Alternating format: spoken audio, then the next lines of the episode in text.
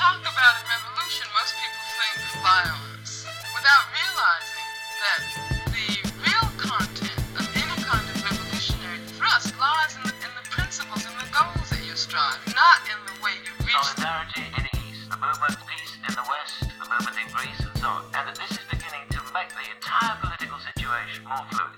Emancypację. Podcast o społeczeństwach tworzących historię. Otworzyłem sobie kilka artykułów e, znalezionych w sieci poświęconych Nepalczykom w Polsce, ich napływowi, napływowi mm, robotników z tego himalajskiego kraju. Mm, No i tutaj mam różne daty, 2015 nawet, 2018. E, Wspomina się o tym, że najwięcej e, zezwoleń na pracę w danym okresie zostało wydanych właśnie Nepalczykom, nie Ukraińcom czy Białorusinom, ale właśnie obywatelom tego mm, odległego od Polski kraju. I sprawa ta stanowi pewien nowy kontekst, y, w którym mm, wspomina się w Polsce, w polskich mediach o Nepalu, bo dotychczas ten kraj y, kojarzony był chyba przede wszystkim w takim najpopularniejszym obiegu z górami e, i wyprawami dzielnych Himalajstów, Himalajstek, którzy postanawiają wejść na jakąś bardzo wysoką górę. Często e, kończy się to tragicznie, no ale wszyscy jakoś jesteśmy i wszystkie e, siłą rzeczy zmuszone do śledzenia tych zmagań. Nepal ma też taką e, orientalistyczną aurę, to znaczy mm, mam wrażenie, że e, to jeszcze pokłosie oczywiście epoki kolonializmu oraz później mm, e, no, faktu, że Nepal leżał na hipisowskim szlaku, tak, mm, który przemierzali na przykład młodzi Brytyjczycy i, Brytyjcy, Bry- i Brytyjki podróżując do Indii, często kończąc właśnie na Nepalu tę podróż e, w poszukiwaniu siebie, no i w, mm, za czasów e, kontrkultury lat 60. mm, Nepal stawał się właśnie celem takich duchowo-hedonistycznych e, pielgrzymek. Natomiast rzeczą właściwie zupełnie pomijaną, niekiedy chyba po prostu niedostrzeganą przez także międzynarodową lewicę, szeroko pojętą, jest fakt, że mm, Nepal już w XXI wieku stał się krajem, właściwie jedynym krajem świata, w którym doszło do rewolucji o treści e, no, socjalistycznej, o treści lewicowej, o radykalnym przekazie emancypacyjnym z walką klas na sztandarach, z walką o emancypację kobiet i uciskanych mniejszości narodowo-etnicznych. Mm, No i w 2006 roku mm, owa rewolucja przyniosła kres monarchii. Mm, Monarchii, która e, coraz brutalniej obchodziła się z nepalskim społeczeństwem. E, Ten 2006 rok to rozdział drugi e, tak zwanego ruchu demokratycznego, tak, czy ludowego ruchu demokratycznego. Pierwszym jego rozdziałem e, był rok 1990, mm, a więc e, e, działo się to w chwili, gdy no, ruchy lewicowe na świecie były jednak w odwrocie. Upadał blok wschodni, radziecki komunizm był już skompromitowany. W związku z tym niektórzy głosili tezę o końcu historii i tak dalej. W 21 odcinku Emancypacji, który niniejszym rozpoczynamy, mm, przyjrzymy się właśnie nepalskiej rewolucji. Przyjrzymy się e, ruchowi maoistowskiemu w tym kraju. E, Ale może najpierw na początek y, jeszcze odrobina uzasadnienia, dlaczego e, to mi się wydaje e, niezwykle e, ważnym tematem, bo e, zapewne ci, którzy chcieliby globalną politykę rozumieć przede wszystkim jako e, no, grę wielkich sił, mm, a jak wiemy, no, nie, nie tej grze poświęcone są emancypacje, lub nie ona przynajmniej e, stanowi pierwszy plan e, tego, czym się tutaj zajmujemy, no to pewnie byliby skłonni raczej nepalską rewolucję mm, ignorować jako przewrót w niespecjalnie interesującym mm, z punktu widzenia no, najpotężniejszych e, sił tego poli- politycznych tego świata kraju.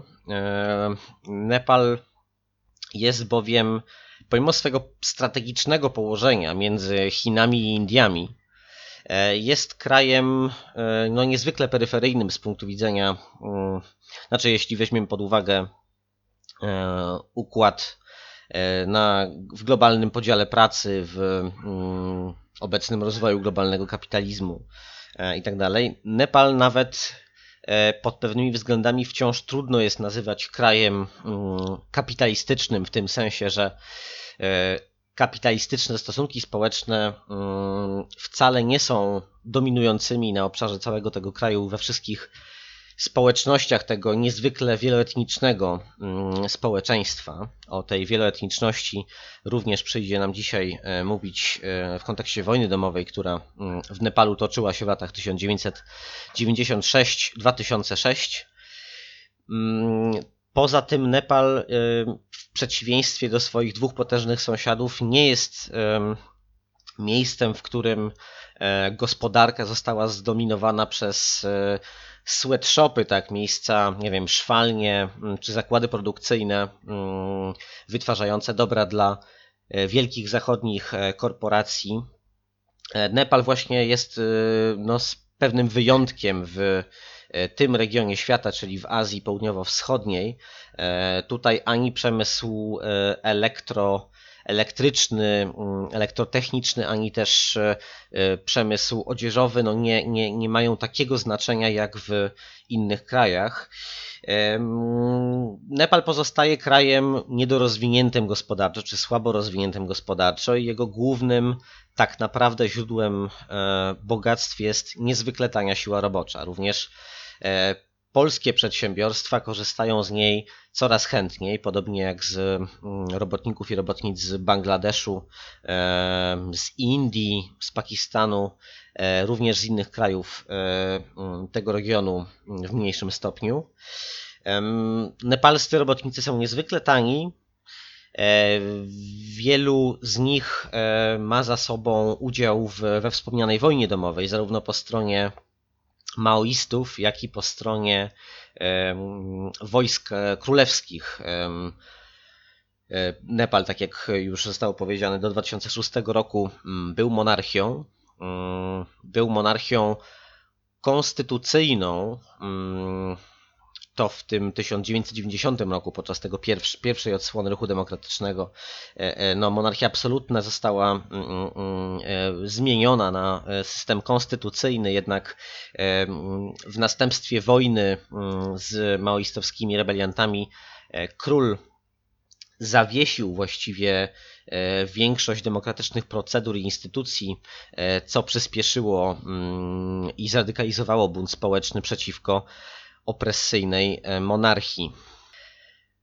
Mówiąc o Nepalu, powinniśmy również pamiętać e, o pewnym kolejnym paradoksie, to znaczy mm, Nepal e, w przeciwieństwie do mm, swego sąsiada, w stosunku do którego pozostaje mm, krajem politycznie, ale przede wszystkim gospodarczo zależnym, uzależnionym właściwie w całości od, od rynków indyjskich, bo Indie to zarówno mm, największy partner eksportowy, jak i importowy e, Nepalu. Mm, masy ludzi są w nieustannym ruchu między przez granicę indyjsko-nepalską. Nepalczycy y, tłumnie mm, jeżdżą do Indii w poszukiwaniu e, pracy. Nepal jest społeczeństwem w dużej mierze wiejskim. To znaczy w blisko 30-milionowym kraju Większość ludzi żyje na wsi, zdecydowana większość utrzymuje się z rolnictwa i zawodów, powiedzmy, około rolniczych. Ubóstwo jest e, ogromnym problemem. Dostęp do mm, elektryczności, mm, do elektryczności e, świeżej wody, e, no i wielu innych podstawowych zdobyczy cywilizacyjnych i usług publicznych jest e, niezwykle utrudniony, a w niektórych obszarach kraju e, no właściwie po prostu nie ma tego dostępu.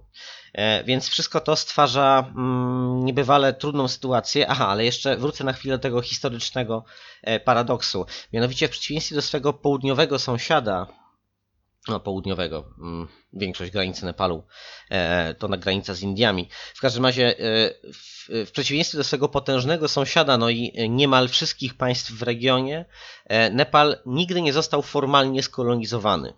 To znaczy w mm, w drugiej dekadzie XIX mm, wieku e, nepalski król, nepalska monarchia podpisała wówczas układ z Brytyjczykami, który no, zapewnił jej formalną niepodległość. Jednak Nepal bardzo szybko stał się mm, państwem mm, zależnym e, od korony brytyjskiej, e, a właściwie od wicekrólestwa Indii i od działających tam brytyjskich wielkich przedsiębiorstw. Maoistowscy mm, teoretycy i, i działacze mm, analizujący gospodarkę Nepalu e, na czele z doktorem mm, Baburamem Batarajem, o tej postaci jeszcze e, będę dzisiaj wspominał wielokrotnie. On jest autorem no, istotnych, bardzo ważnych, chyba najważniejszych opracowań systemu gospodarczego, czy jakby przyczyn zacofania gospodarczego Nepalu. Jest także byłym premierem e, i jednym z no, historycznych liderów e, ruchu maoistowskiego w, mm, w Nepalu. On określał w swoich pracach i określa chyba dalej e, Nepal jako państwo półkolonialne. Ten status e, stwarzać ma przede wszystkim właśnie e, sytuacja e, uzależnienia od Indii. W Nepalu praktycznie nie ma przemysłu. Mm, no, może przesadzam, tak? W tej chwili to już nie może być prawdą, jednak przemysł jest, pozostaje bardzo słabo rozwinięty. Natomiast mamy potężny rezerwuar e, siły roboczej. I taki e, mały, niepozorny kraj jak Nepal mm, staje się źródłem e, zasilania na przykład polskiej gospodarki w najtańszych robotników, o których położeniu w Polsce wiemy stosunkowo niewiele. E, wiadomo też, że mm, no, przebywanie w naszym kraju nie jest dla większości z nich e, celem samym w sobie e, i raczej po prostu stanowi okazję do mm, zarobienia pieniędzy i przekazywania ich przekazami finansowymi do Nepalu. To jest jeden z istotniejszych i jedno z istotniejszych źródeł dochodów do, do nepalskich, nepalskich rodzin, no i też istotny składnik mm, nepalskiego budżetu. Oczywiście mam tu e, na myśli przekazy finansowe przychodzące nie tylko z Polski, ale również z mm, wielu innych krajów świata, w których e, Nepalczycy, mm, nepalscy migranci zawodowi, migrantki zawodowe pozostają mm, aktywni. E, tutaj najistotniejszym obecnie chyba kierunkiem, oprócz wspomnianych Indii, rzecz jasna, są kraje Zatoki Perskiej. Wiele osób z Nepalu w ogóle z Azji Południowo-Wschodniej, ale Nepalczycy stanowią tutaj istotny procent e, tej grupy, znajduje zatrudnienie w mm, sektorze budowlanym na przykład w, e, albo w sektorze opieki w krajach Zatoki Perskiej, często pracując w koszmarnych warunkach, tak o czym e, w ramach naszego globalizacyjnego piekiełka mm, mogliśmy słyszeć przy okazji dramatycznych historii nagłośnionych przez media związanych z budową stadionów w, sportowych w Katarze, przeznaczonych na organizację Mistrzostw Świata Piłce Nożnej, e, zaplanowanych na 2022 rok. Zatem e, zwrócenie uwagi na Nepal i jego mm, no, niesamowitą, paradoksalną mm, i pasjonującą w pewnym sensie, choć też pełną tragedii E, no i koszmarnych przeżyć wojennych historię najnowszą, e, wydaje mi się ważne, ponieważ e, nie warto chyba udawać, że pewne kraje istnieją tylko po to, żebyśmy mogli korzystać z mm, taniej siły roboczej ich obywateli i obywatelek. Myślę, że warto mm, przyjrzeć się temu, skąd i z jakich doświadczeń przychodzą do nas przedstawiciele mm, wcześniej no, nieobecnych, nieaktywnych zawodowo w Polsce społeczności. Przyznam też, że y, nepalską rewolucją interesuję się od dość dawna. Mm, nigdy nie byłem w Nepalu i nie mam poczucia, że jestem ekspertem od tej sprawy, ale sporo o tym fenomenie czytałem. Mm, chcę też zaznaczyć, że absolutnie nie jestem tutaj apologetą nepalskiego maoizmu, o którego, mm, że tak powiem, dość zdumiewającej, nieco pokracznej konstrukcji teoretycznej jeszcze będę za chwilę mówił. E, I absolutnie mm, nie próbuję tutaj rewindykować jakichś e, strasznych teorii, tak, które od razu są kojarzone z pojęciem maoizmu. E, nie jest też moim celem, że tak powiem, odbrązawianie maoizmu jako ideologii, mm, jednak jest to zjawisko dla mnie ciekawe i jako pewien składnik pomijany lewicowej polityki w XXI wieku, myślę, że jednak zasługuje na uwagę, zwłaszcza, że w Nepalu mm, no, przyczynił się jednak w jakiś sposób do obalenia mm, autorytarnej monarchii e, i ustanowienia, no właśnie, nie socjalizmu, nie, nie państwa y, bez własności prywatnej, no i na pewno nie żadnej maoistowskiej E, utopii, tak, czy nie wiem, czy maoistowskiego ideału, e, przyczynił się do powstania demokracji liberalnej tak naprawdę, bo to e, maoiści zbudowali w Nepalu mm, federalną republikę demokratyczną. Przyznam też, że kolejnym z powodów, dla którego postanowiłem nagrać ten odcinek poświęcony Nepalowi, była inspiracja innym podcastem. E, zaznaczę, że ja tego staram się nie robić w ogóle, to znaczy nie staram się nie replikować mm, mm, audycji, czy nie, nie, nie, nie, jakby nie przechwytywać tematów, które usłyszałem w, w innych podcastach E, e, takie, auto, takie automatyczne reprodukowanie jakichś treści zupełnie mm, mm, mi nie pasuje. E, jednak mm, zastanawiając się od dłuższego czasu, co z tym Nepalem zrobić, tak jak ugryźć ten temat w kontekście emancypacji, no przypadkiem po prostu odsłuchałem E, jakiś całkiem świeży, ale, ale nie najświeższy, zresztą to było z pewnym poślizgiem. E, odcinek podcastu Revolutionary Left Radio. Mm, bardzo ciekawy podcast, polecam. Znajdziecie go na Spotify, oni też mają swoją stronę, chyba po prostu revolutionaryleftradio.com, ale nie pamiętam adresu, sprawdźcie sobie w wyszukiwarce. On jest, ja się niekoniecznie zgadzam politycznie z, z jego prowadzącym e, Brachtem Oshi, ale mm, podcast jest, pomimo że no, z pozycji maoistowskich wychodzi właśnie i jego prowadzący, no to podcast e, sam w sobie nie jest żadną tubą ideologiczną, jest pluralistyczny, on tam zaprasza e, bardzo wielu ciekawych gości, gości. Mm, I jedną z nich e, była właśnie Hisilajami. Mm, Hisilajami należała swego czasu do kierownictwa Zjednoczonej Partii Komunistycznej Maoistowskiej, nepalskiej. Wcześniej jeszcze mm, była jedną z najaktywniejszych przedstawicielek ruchu studenckiego mm, nepalskich studentów i studentek y, uczących się w Indiach. To jeszcze lata 70. i 80. Mm, natomiast po zwycięstwie rewolucji w 2006 roku i obaleniu monarchii, kiedy maoiści e, stopniowo zaczęli uczestniczyć lub tworzyć, współtworzyć E, rządy demokratyczne, mm, no to trzykrotnie piastowała mm, urzędy ministerialne, e, zajmując się planowaniem e, przestrzennym, turystyką, lotnictwem cywilnym, a więc sektorami, które są dla takiego kraju jak Nepal absolutnie kluczowe. Hisilajami również jest główną postacią albo przynajmniej jest e, tak kojarzona jako główna postać mm, nepalskiego feminizmu, przynajmniej tego mm, zakorzenionego w działalności partyjno-politycznej. E, jest autorką również niezwykle ciekawych e, książek i artykułów dotyczących położenia nepalskich kobiet i e, znaczenia e, ich sytuacji dla mm, rozwoju mm, wojny ludowej, bo tak właśnie maoiści określają e, wojnę domową, która mm, we wspomnianym okresie 96-2006 się toczyła. Jest, w jej, w jej pracach możemy znaleźć również te prace są dostępne w internecie, tam gdzie znajdują się książki. Z kolei książka, o której Hisli Yami wspominała w podcaście Revolutionary Left Radio, to książka From Revolutionary to First Lady, którą wydało wydawnictwo Penguin. Wydawnictwo Penguin mi nie płaci, żeby było jasne.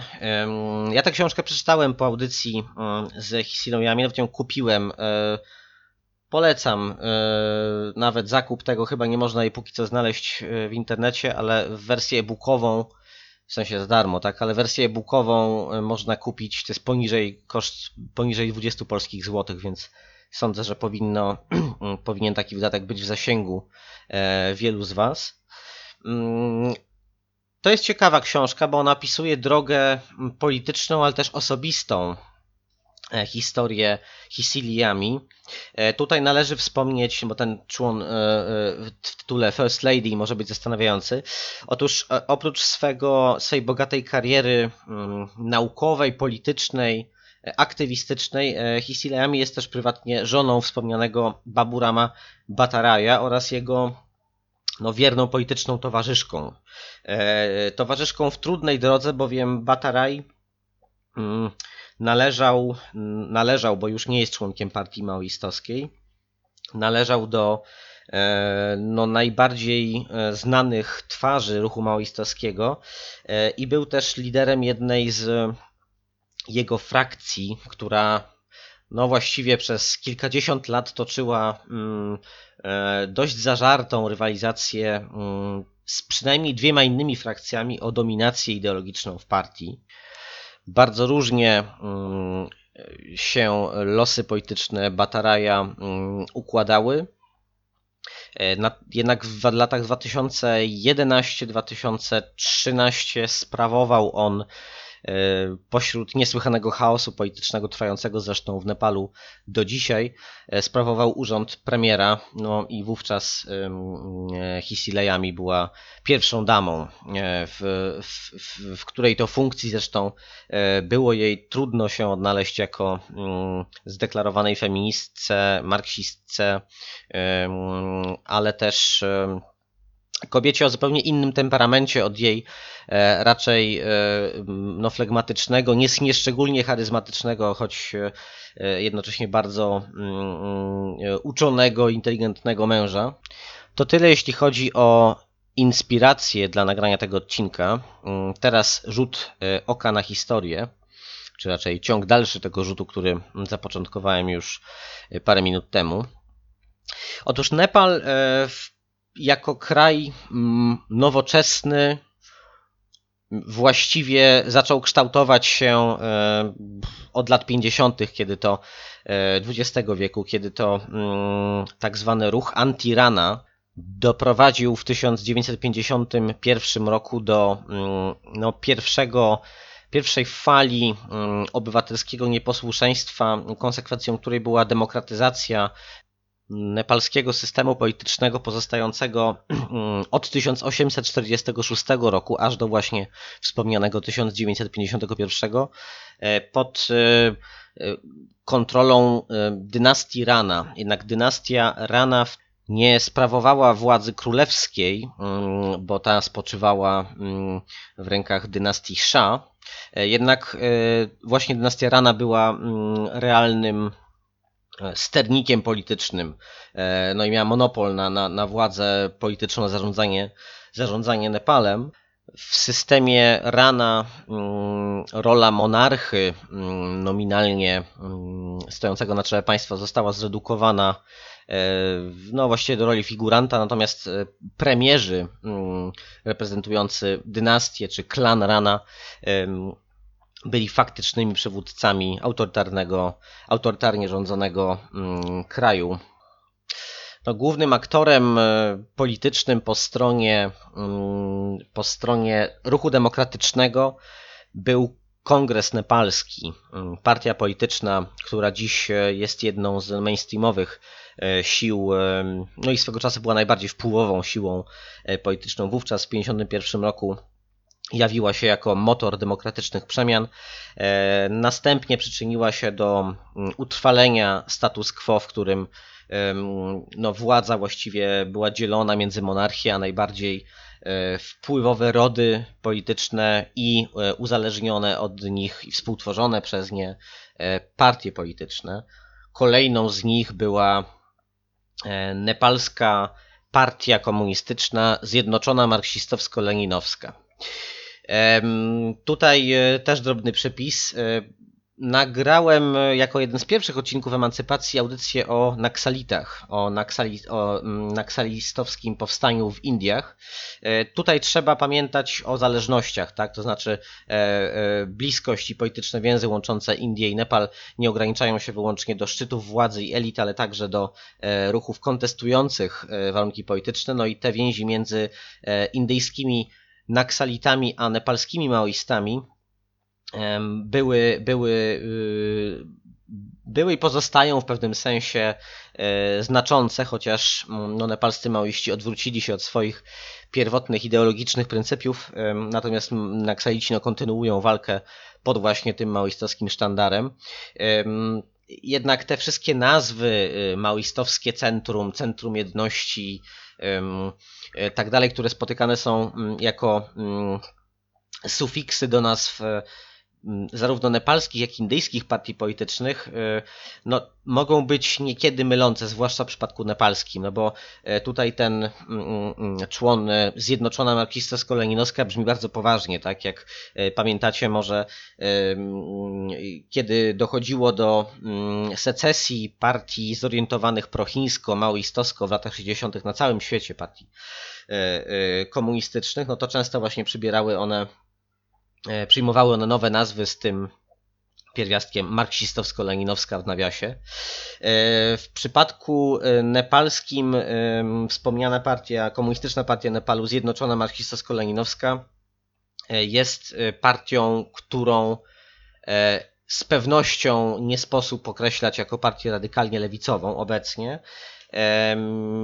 Przez dekady była ona partią mainstreamu politycznego, mocno zakorzenioną w systemie mm, politycznym mm, pod rządami monarchii e, i, partią, która nie kontestowała e, tak naprawdę zasadniczych elementów nepalskiego systemu. E, oczywiście mm, jej program posiada lewicową treść, natomiast praktyka polityczna jest niezwykle daleka od od mm, mm, no, jakiegoś, e, e, jakiejś radykalnej lewicowości, e, chociaż partia ta przez pewien okres tworzyła właśnie jeden organizm polityczny wspólnie z partią maoistowską. Ta połączona formacja nosiła nazwę po prostu Nepalska Partia Komunistyczna. W tym roku, w 2021, w wyniku potężnych tarć wewnętrznych, e, konfliktów frakcyjnych, e, no i związanych z nimi e, decyzji Sądu Najwyższego w Nepalu, ta partia, która swego czasu była krótko istniejąca, ale jednak no, w tym czasie zapisała się w historii jako największa, najliczniejsza partia komunistyczna w Azji Południowo-Wschodniej, no i była też partią rządzącą. Mm, Zostawiam jednak bieżącą politykę nepalską niesłychanie skomplikowaną. Mam wrażenie, że coraz bardziej wyalienowaną, mm, jeżeli chodzi o tę politykę parlamentarną, wyalienowaną z kontekstu społecznego. Zresztą e, politycy są tam oskarżani w tej chwili o to, że skupieni na e, walce o władzę i na Mm, podziałach frakcyjnych wewnątrz swoich e, formacji kompletnie zaniedbują kwestię pandemii COVID-19, która w Nepalu mm, no w tej chwili jest już trochę lepiej, ale był okres, kiedy Nepal no, przeżywał istną hekatombę, jeżeli chodzi o zdrowie publiczne, jako zapaść spowodowaną COVID-em. Zostawiam jednak tę politykę. Wróćmy do Kongresu Nepalskiego. Otóż e, Kongres Nepalski mm, jako forpoczta ruchu antyrana mm, zdołał e, ustanowić nieco bardziej przejrzysty i demokratyczny system, ale już w 1960 roku mm, doszło do ponownego przechwycenia e, steru władzy przez monarchię. Tym razem nie przez e, już nie przez ranę, nie przez ranów, tylko e, przez monarchię. Ten okres od 1960 roku do roku 1990 nazywany jest po prostu panchayat. Panchayat to jest termin, którym określa się system E, rządów lokalnych, zależnych od rządu centralnego, mm, charakterystyczny, w wielu odmianach występujący, jednak e, ten zbiorczy termin e, odnosi się do mm, właśnie różnych tego rodzaju systemów władzy lokalnej na subkontynencie mm, indyjskim, to znaczy nie tylko w Nepalu, ale też Indie, Sri Lanka, Pakistan, Bangladesz. Nie będę się zagłębiał w szczegóły, jednak e, ten e, system w Nepalu mm, no, e, był tak naprawdę przedłużeniem władzy centralnej, władzy królewskiej.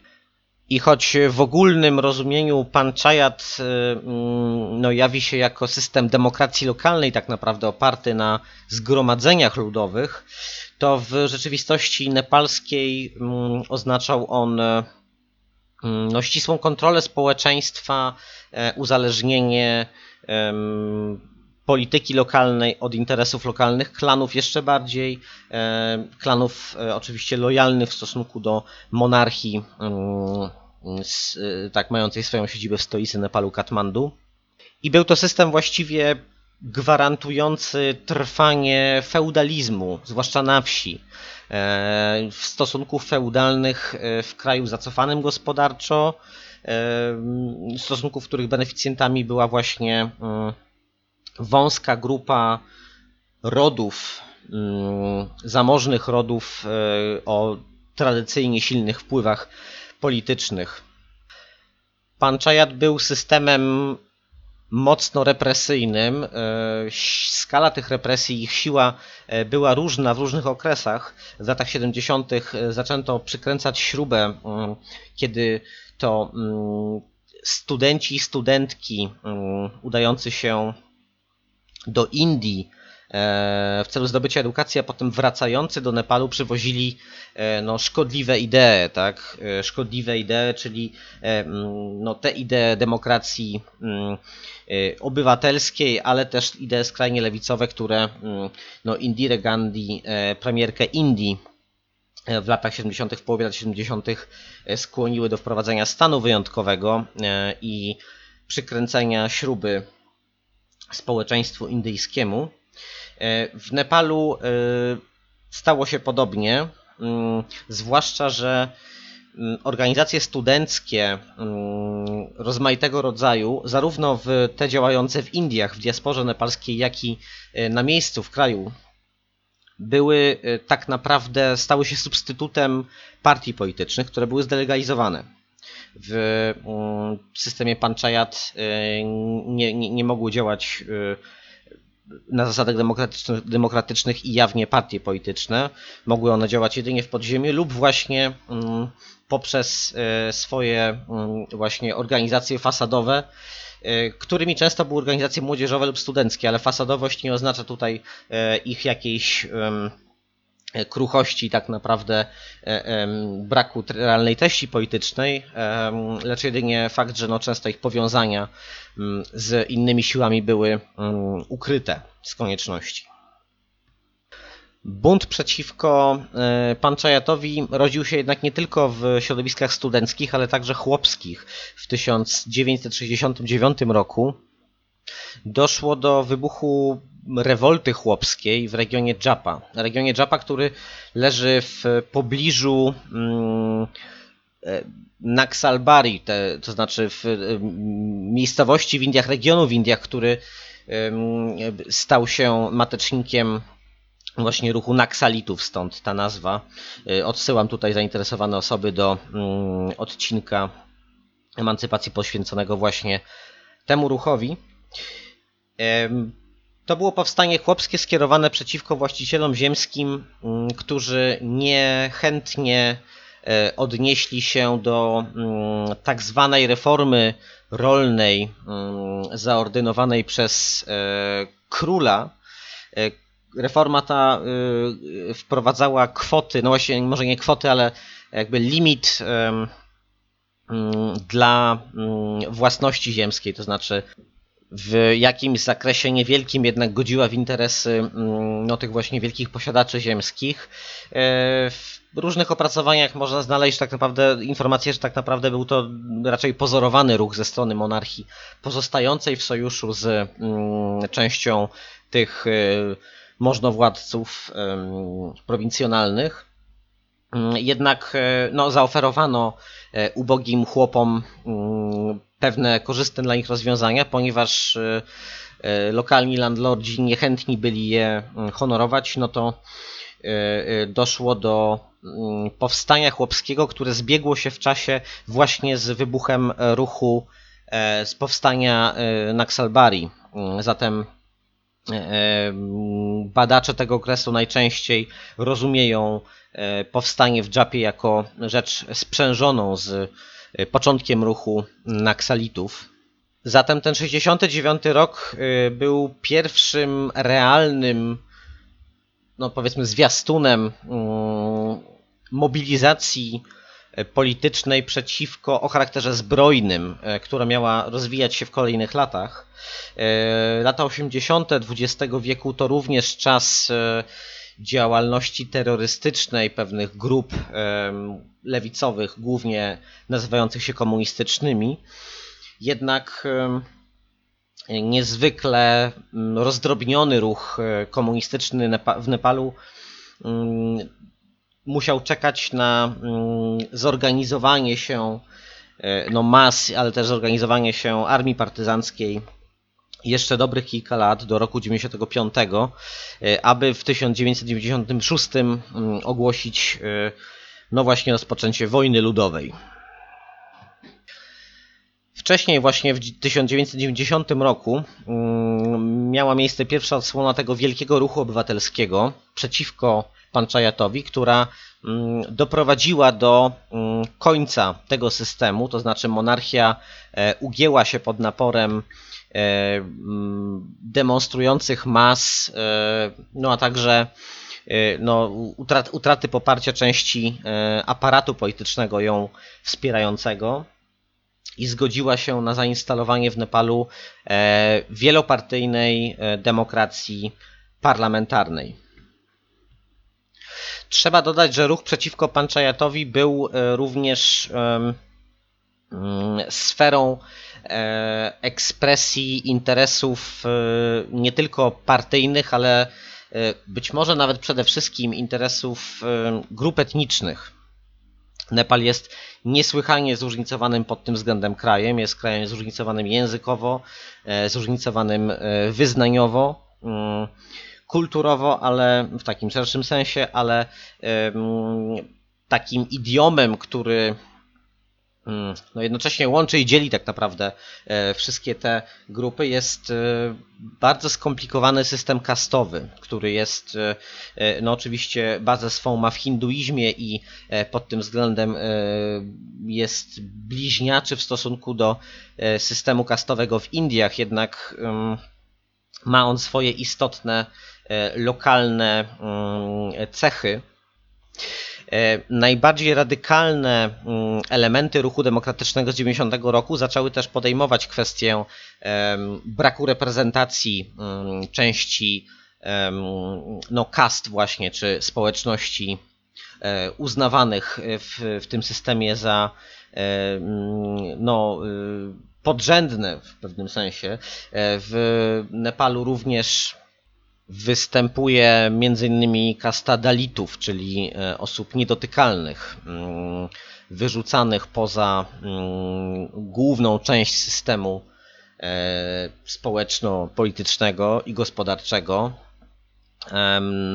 Kontestowanie tej niedotykalności e, było mm, jeszcze w latach 50. uznawane za mm, niesłychanie radykalny gest. Wspomniana Hisila Yami opisuje w swojej biografii, autobiografii, jak jej ojciec, działacz Kongresu Nepalskiego, mm, minister swego czasu,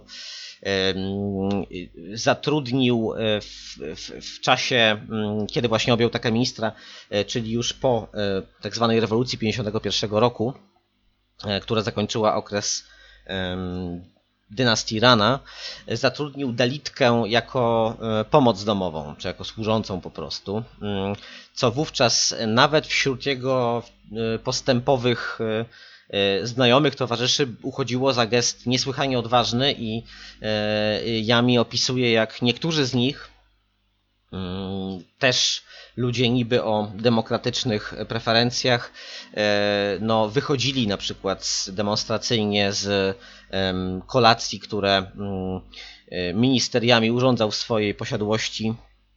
E, no bo właśnie potrawy serwowane były przez niedotykalną służącą.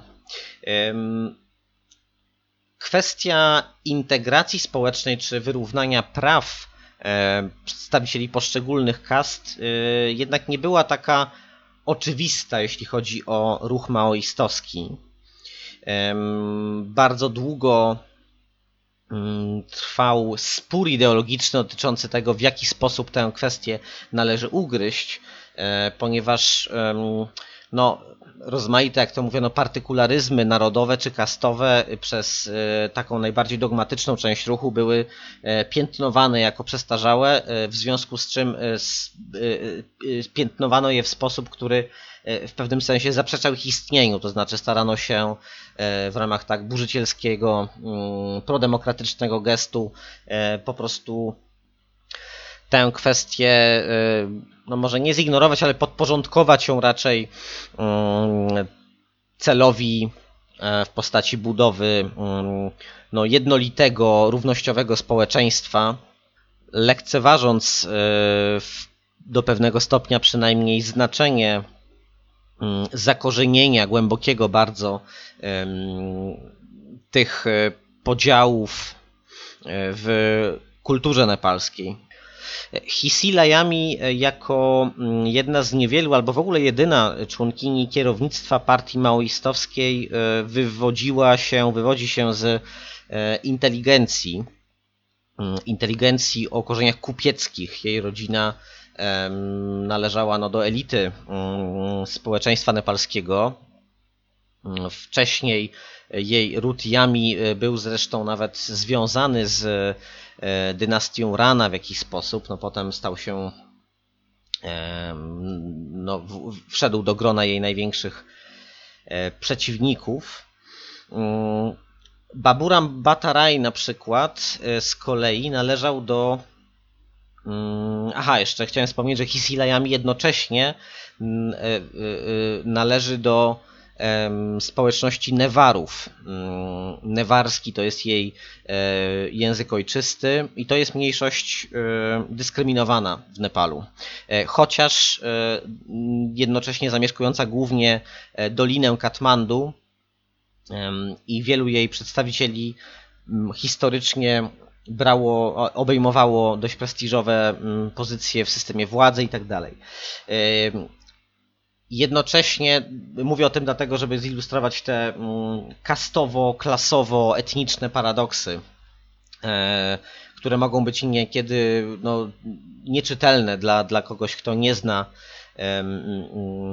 historii tego społeczeństwa, historii tych podziałów właśnie. Ja jestem jedną z takich osób, ale starając zagłębić się w tę tematykę Myślę, że co nieco udało mi się pojąć. E, Baburam Batarai, mm, czyli były premier, tak, jeden z ideologów ruchu maoistowskiego jego przywódców oraz mąż Hisiliami, e, on na przykład wywodzi się z warstwy chłopskiej, e, ale jednocześnie mm, należy do kasty braminów. Tak? Jak myślimy o braminach, to w takim popularnym obiegu ona się rozumiana jest chyba głównie jako mm, kasta kasta kapłańska. E, to niekoniecznie zawsze przekłada się na mm, pozycję ekonomiczną, to znaczy mm, przywilej kulturowy, tak powiedzmy, przywilej e, religijny niekoniecznie oznacza mm, przywilej ekonomiczny. Tak było w przypadku rodziny e, Bataraja, choć on i tak wywodził się z względnie dobrze sytuowanego chłopstwa, E, co to znaczy dobrze sytuowanego mm, w warunkach e, nepalskich e, lat 60., 70.? To znaczy, że Bataraj mm, na przykład uczęszczał do szkoły, mm, która była odległa o 3 godziny pieszej drogi przez górskie tereny. On wywodził się akurat z regionu Gorka. E, stamtąd pochodzą Górkowie, tak, znani jako e, waleczni mm, najemnicy rekrutujący się do mm, armii brytyjskiej swego czasu, wciąż dalej e, do armii indyjskiej, również w mniejszym stopniu. Zresztą maoiści działając w tym regionie w okresie wojny ludowej no, występowali przeciwko, mm, czy, czy jakby zniechęcali, nawoływali górków do E, porzucenia tego mm, tradycyjnego e, dla tej grupy zajęcia, jakim jest uczestnictwo w strukturach e, obcych armii. Natomiast Bataraj uczęszczał do szkoły, która była odległa o 3 godziny pieszej wędrówki mm, od jego miejsca, od jego wioski.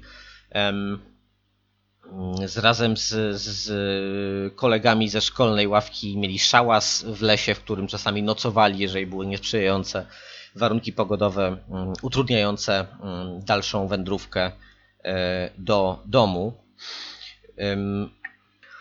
Kwestia kastowa jednak pozostaje tak naprawdę w dużej mierze mm, no, głównym czynnikiem regulującym e, stosunki społeczne w postfeudalnym Nepalu.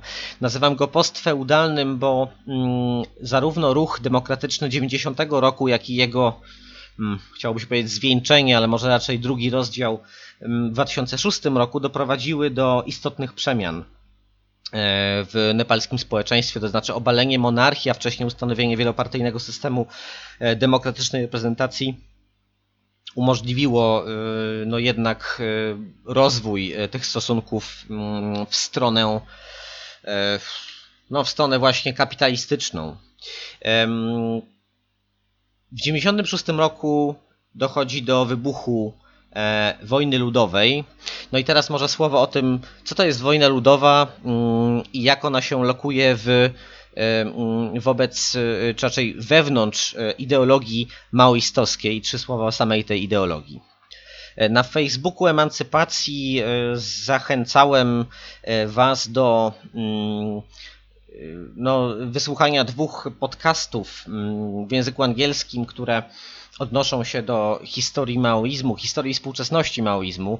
Jeden powiedzmy afirmatywnie, tak, chodzi o e, rozmowę z e, Jamie Fawadem Polem, mm, czyli takim no, dzisiaj chyba najprężniejszym teoretykiem maoizmu, mm, który no, usiłuje przepracowywać w, na gruncie radykalnej filozofii pewne idee związane z tym nurtem. E, I drugi podcast, e, w którym Alex de Jong e, z redakcji pisma Historical Materialism krytycznie opowiada o maoizmie i o stalinizmie, z którym ten pierwszy pozostaje nierozerwalnie związany, no ale właśnie ta relacja jest tutaj nie do końca taka, jakby się mogło wydawać. Mm, to znaczy, ale wróćmy może do początku. E, mm, pojęciem maoizm określane są różne rzeczy przez, różne osoby. Mm, pierwotnie e, on, ono się pojawiło pewnie pod koniec lat 50., 60. dla określenia no właśnie myśli Mao Tse-tunga jako opozycyjnej w stosunku do tego, co działo się w Związku Radzieckim po śmierci Stalina i po mm, odwilży 56 roku. Nie mam tu czasu e, raczej na streszczanie jednak długiej i wielowątkowej historii maoizmu jako teorii politycznej, jako ideologii.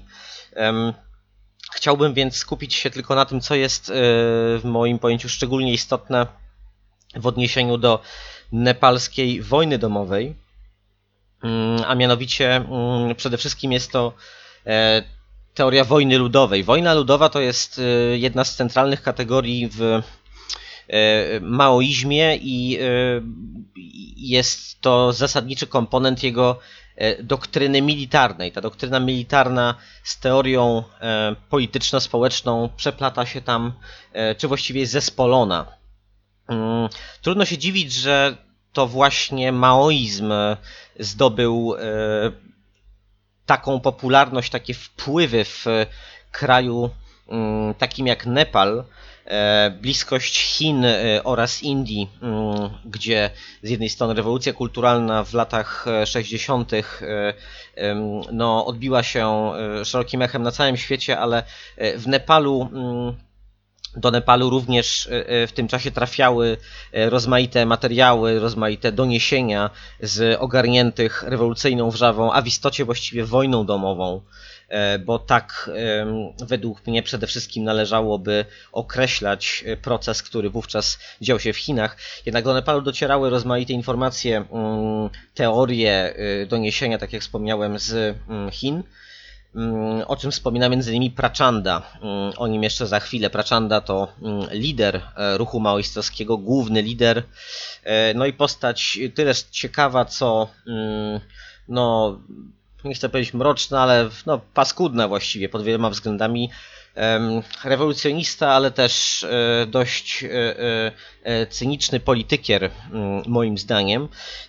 W każdym razie, wracając do maoizmu, praktyka polityczna Mao Tse-tunga, y, jak również jego teoria, no są ściśle związane z e, toczeniem wojny. Mm, kształtowały się w no, ferworze walki, czy to z Japończykami, czy to z e, Kuomintangiem, nacjonalistyczną partią pod przywództwem Chiang Kai-sheka.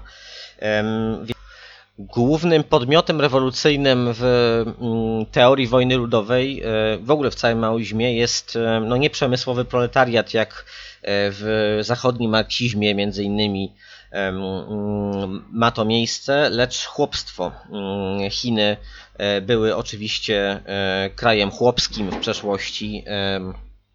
W dobie kształtowania się maoizmu jako no, prak teorii praktyki rewolucji zwrócenie się ku e, biednym masom wiejskim mm, było koniecznością i mm, no, właściwym paliwem dla, dla rewolucji.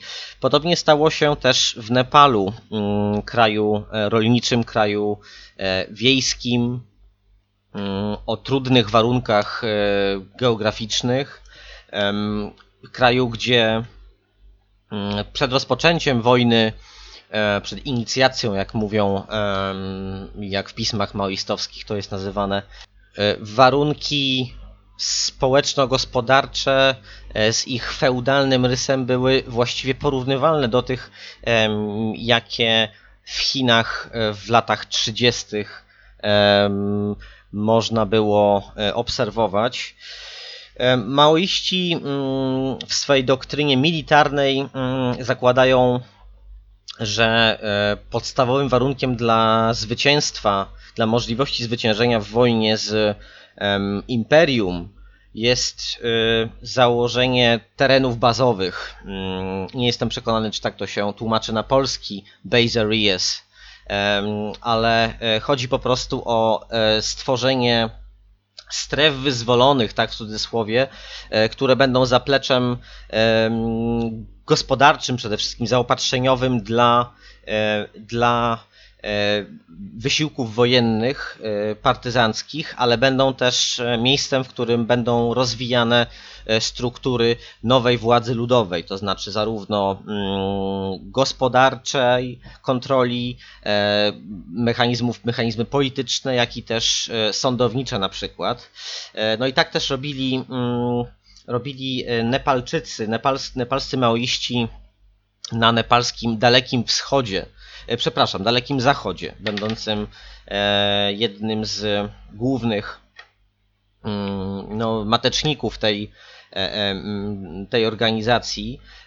W regionach Rolpa, Rukum i jeszcze w kilku innych, ale zwłaszcza Rolpa i Rukum powstawały te tereny bazowe, ale e, wojna e, była toczona jednocześnie na wielu frontach i ona dość szybko e, zaczęła ogarniać cały kraj. Przed chwilą wspomniałem o Praczandzie. Mm, był on i pozostaje jednym z głównych liderów mm, ruchu maoistowskiego i on w latach wojny ludowej. On, jego droga polityczna była dość długa i skomplikowana. Ja nie chcę się zagłębiać teraz w genezę, czy jakby mm, w mm, no, w, kolejne etapy ewolucji ruchu maoistowskiego mm, polegające na tworzeniu kolejnych organizacji. Tego jest bez liku, jeśli pamiętacie odcinek o Naksalitach e, i tę mnogość rozmaitych tworów politycznych, e, z, wszystkich z, z komunizmem w nazwie, które tworzą te, to uniwersum maoistowskie, czy naksalickie w przypadku Indii, no to w Nepalu to rozdrobnienie mam wrażenie jest jeszcze tak ze pięć razy większe. Mm, więc y, pominę może tutaj y, lata powstania y, komunistycznej partii Nepalu Masal, Maszal, Zjednoczonego Frontu Lewicy, czyli tej koalicji, która w 90 roku mm, stała, no była główną siłą w tym ruchu demokratycznym. W niej brali udział częściowo maoiści, mm, częściowo inni komuniści. E, potem maoiści zaczęli kwestionować tę drogę e, parlamentarną.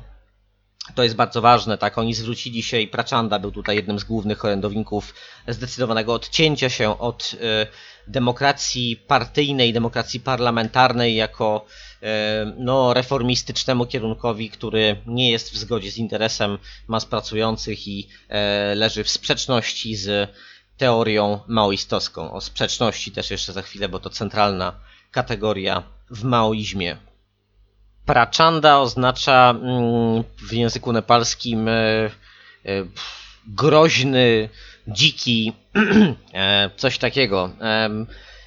Tym przydomkiem właśnie posługiwał się przyszły premier Nepalu, a mm, w latach wojny domowej przywódca maoistów, e, którego e, prawdziwe imię i nazwisko brzmi Pushpa Kamal Dal. E, mm, jak wspomina w swojej autobiografii Hisilayami, Prachanda naprawdę, mm, Pushpa Kamal Dal nazywa się nie dziki, tylko kwiat lotosu i to podobno ma mm, lepiej oddawać jego osobowość, bo człowiek był to raczej spokojny, choć też cyniczny i skłonny do manipulacji. E, był przywódcą e, partii, choć jakby nigdy z, tej, z tego stołka e, jednoznacznie nie spadł, jeśli tak to mogę trochę niezręcznie ująć. Jednak przez cały okres istnienia partii maoistowskiej, tej zjednoczonej partii komunistycznej maoistowskiej, w jej łonie, a nawet jeszcze wcześniej, w czasie kształtowania się dopiero mm, ruchu maoistowskiego, e, dochodziło do silnych e, tarć frakcyjnych.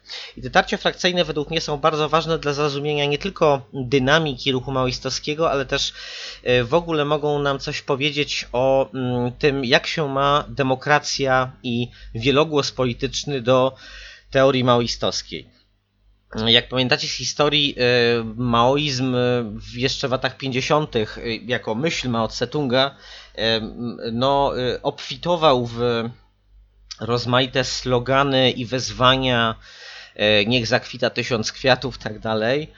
Wiemy, mm, że zwieńczeniem tych kampanii mm, wydawałoby się na rzecz właśnie mm, wielości opinii, opinii i uczenia się E, z różnorodności politycznej, no one kończyły się przeważnie falami represji, zdławieniem e, ruchów e, intelektualnej dysydencji i odmiennych głosów politycznych. Mm, w przypadku partii nepalskiej nie mamy do czynienia z tego rodzaju zjawiskiem, mianowicie, znaczy ja uważam, że jest to partia stalinowska jednoznacznie. Stalina miała na sztandarach, miała mm, jego podobiznę tak tuż obok jak to w partiach maoistowskich, obok e, po piersi Marksa, Engelsa, Lenina, Stali, e, Stalina właśnie i Mao. Znaczy Stalin po prostu był, e, że tak powiem, stałym komponentem tego układu. Mm, I jest to partia stalinowska nie w sensie tylko mm, uprawiania kultu Józefa Stalina, ale też jeżeli chodzi o mechanizmy wewnętrznego zarządzania i dyrygowania politycznego e, strukturami zarówno na poziomie centralnym, jak i lokalnym. E, tyle, że w partii nepalskiej e, nie doszło nigdy do fali czystek typu Stalinowskiego, choć na przykład Hisilejami wspomina o represjach i prawdopodobnie również o być może nawet wyrokach śmierci wykonanych w tajemnicy na pojedynczych działaczach frakcji wrogi, wrogiej Praczandzie i Kiranowi. E, no właśnie. Wydaje się, że tę, e, e, to tarcie frakcyjne w łonie nepalskiego maoizmu można scharakteryzować jako konkurencję, konkurencję ideologiczną mm, toczoną przez trzy główne nurty. Choć one mm, no, przeżywały różne metamorfozy E, polityczne w różnych okresach, ale jednak są trzy takie zasadnicze kierunki e, w łonie tego nepalskiego maoizmu. Pierwszy to jest kierunek ortodoksyjny, dogmatyczny, mm, ultrastalinowski, oparty na niezwykle e, twardym przywiązaniu do doktryny militarnej i jej mm, jakby rozprzestrzenienia na mm, kwestie społeczne czyli taki, mm, no, nawet nie tylko sprymitywizowany, wulgarny marksizm, ale bym powiedział nawet sprymitywizowany, przepraszam, i wulgarny maoizm.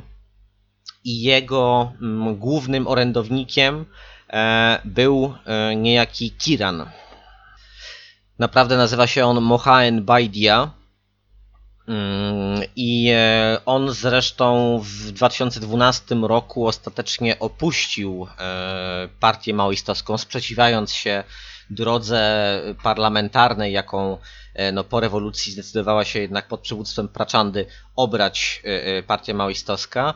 No i założył komunistyczną partię Nepalu rewolucyjną maoistowską.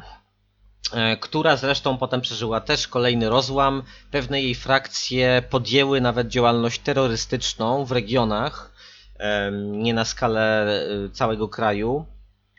Mm, no i to jest właśnie Kiran, e, jeden z historycznych przywódców. Drugim był Baburam Bataraj, wspomniany, mm, który swego czasu no, był oskarżany o E, wszelkie możliwe dewiacje tak, w ujęciu stajnowskim, to znaczy o anarchizm, o trockizm, o prawicowe odchylenie, e, ale także o stalinizm przesadny, to znaczy do wyboru do koloru. Mm, e, to też dobrze znaczy mówi coś o mm, E, skali i e, zaciętości tych, e, tej konkurencji ideologicznej w łonie partii maoistowskiej były takie okresy również podczas wojny ludowej, wojny domowej, przypomnijmy lata 96-2006, kiedy Bataraj, podobnie jak jego żona Hisileami, byli, właściwie przebywali w czymś na kształt aresztu domowego, chociaż wszystko toczyło się w warunkach konspiracji, zatem aresztowani przez własną partię, tak, zdegradowani z rozmaitych funkcji partyjnych, e, znajdowali się pod ścisłą kontrolą e, no, straży e, e z mm, Armii Wyzwolenia e, maoistowskiej.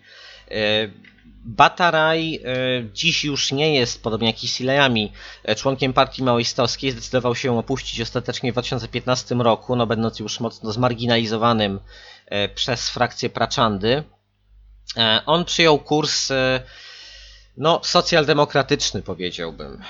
Jego nowa partia wciąż ma socjalizm w nazwie, ale on, mm, na ile on był rzeczywiście zdeklarowanym maoistą, to trudno powiedzieć, ponieważ z jego rozmaitych tekstów i wypowiedzi, których trochę można znaleźć w internecie, zarówno pism, jak i na YouTubie, jakichś starych wywiadów, no, w jego wypowiedziach pojawiają się wątki, które wskazują, no, jak dla mnie jednoznacznie na jego e, przesiąknięcie e, doktrynami stalinowskimi e, i stalinowskim sposobem odczytania no, marksizmu, powiedzmy. Z drugiej strony, Mm, Hisilejami w swojej książce. Wiadomo, że jest to książka napisana, ta autobiografia, że jest to książka napisana z myślą o zachodnim odbiorcy. Więc nie ma tam epatowania maoistowskimi sloganami. E, nie ma też udawania, że się nie było maoistką, ale mm, mm, ona tam określa swego męża Bataraja, jak i swoje własne również wybory polityczne, jako drogę no właściwie antystalinowską w łonie partii maoistowskiej. To znaczy e, stwierdza, że mm, celem nurtu ideowego, który którego zwolennikami i głównymi praktykami była właśnie ona razem z Baburamem Batarajem, e, była emancypacja mm, uciskanych mniejszości, stworzenie równości społecznej, warunków dla rozwoju Nepalu w ramach konstytucyjnej, e, federalnej Republiki Demokratycznej opartej na demokracji parlamentarnej. Więc e, no tutaj droga mm, rzeczywiście reformistyczna, ale y, tak zwana doktryna wielopartyjnej demokracji ludowej była również y, swego czasu e, przyjęta przez y, samego Prachandę, który, no właśnie, tutaj przechodzimy do trzeciej frakcji, e, frakcji przeważnie zwycięskiej, to znaczy, mm, to znaczy frakcji Prachandy. Prachanda tak naprawdę przez cały okres swojej kariery politycznej lawirował między dogmatykami spod, spod y, znaku Kirana, a reformistami z otoczenia Bataraja. On dość zręcznie rozgrywał te spory w łonie partii i przeważnie wychodził z nich właśnie zwycięsko. Co prawda, jak się patrzy tak y, próbując ogarnąć umysłem mm, ogół y, dorobku na przykład teoretycznego mm, mm, Praczandy, no to jest tam kompletny miszmasz, tak? bo mamy e, teksty od sasa do lasa, od y, siermiężnego e, radykalnie zagłębionego w stalinowskiej teorii maoizmu do właśnie e, no, afirmacji e, systemu parlamentarnego i stwierdzenia, że jest to nowa, mm, że jest to nowa droga rozwoju dla Nepalu. Mamy więc walkę frakcyjną, niekiedy bardzo zajadłą. E, mamy okresową marginalizację a to Kirana, a to Bataraja, a to jeszcze innych pomniejszych frakcji, mm, ale nie mamy represji na wielką skalę. E, owszem, mamy skandaliczne przypadki przemocy w stosunku do adwersarzy politycznych, e, jednak no, e, nie jest to zjawisko porównywalne z tym, co znamy z historii ZSRR lub Chin no, lub innych krajów, mm, które należały do obozu tak zwanego socjalistycznego swego czasu. W Nepalu w nepalskiej partii maoistowskiej mamy jednak y, kulejącą momentami, ale jednak pewną demokrację wewnętrzną. To jest demokracja wewnętrzna, która jakby współistnieje y, ze stalinowskim doktrynerstwem. I to jest ciekawe, ponieważ mm, tak naprawdę myślę, że zasługuje na y, poważną i skrupulatną, taką marksistowską analizę nawet, bo no nie jest to proces, który y, w tej postaci często ujawniał się w, wewnątrz partii typu stalinowskiego. E, to znaczy, nawet przy tych niesłychanie głębokich i no, jednoznacznych rozbieżnościach, ta partia jednak zachowywała spójność nawet w okresach tej największej właśnie wewnętrznej wrzawy. Oczywiście rozpadów było multum, ale one e, nigdy nie były bezpośrednim efektem jakby nagłej konfrontacji, tylko e, no, e, raczej wynikiem dojrzewania pewnych grup do dokonania secesji, więc procesem bardziej rozłożonym w czasie. No ale właśnie, jak to się ma do teorii maoistowskiej? I do tego mm, pozornego lub nie mm, afirmatywnego podejścia maoizmu e, do, do kwestii demokracji wewnętrznej, do kwestii wielogłosu politycznego. Otóż znaczna część, zwłaszcza tego współczesnego czy nowoczesnego odczytania mm, maoizmu, e, odbywa się przez pryzmat teorii Mao dotyczącej sprzeczności. Nie chcę się zagłębiać tutaj w tę mm, e, jakby wykładnię filozoficzną, zwłaszcza, że ona według mnie jest e, pomimo postulowanej przez maoistów mm, nowości, czy też no, zupełnie świeżego charakteru myśli Mao jako y, nowego etapu rozwoju marksizmu. Ja uważam, że nie ma tam zupełnie nic nowego. E, raczej jest uproszczona wersja pewnych rzeczy wyczytanych e, u Marksa i Lenina. E, no, z, y, z posiłkowaniem się mm, pismami Stalina również. Ale w skrócie i w radykalnym uproszczeniu. E, według Mao Tse-tunga e, istnieją e, w społeczeństwie, ale także wewnątrz organizacji politycznych sprzeczności antagonistyczne i nieantagonistyczne. No i tam, gdzie występuje sprzeczność antagonistyczna, no to tak jak między klasami w określonych warunkach musi dochodzić do walki klasowej i nie ma przebacz. Natomiast są też sprzeczności nieantagonistyczne, które umożliwiają współdziałanie, tak, pomimo e, często nawet e, ostrych różnic, czy to w planie ideologicznym, czy to w planie organizacyjnym, jakkolwiek. Natomiast kto decyduje o tym, co jest sprzecznością antagonistyczną i nieantagonistyczną? Otóż według mnie w praktyce zawsze musi decydować o tym autorytarny lider i jest tutaj e, e, większość e, aspektów tej sprawy uzależniona jest jednak od woli lidera, ewentualnie od grupy liderów. Mm, jak się spojrzy na historię maoistowskich organizacji, no to tak to się mniej więcej układało. Więc o tym e, w przypadku depalskim, e, o tym, która sprzeczność jest e, antagonistyczna, a która ma charakter nieantagonistyczny, no, decydowała w danym okresie frakcja, która aktualnie uzyskiwała przewagę. Ale co ciekawe,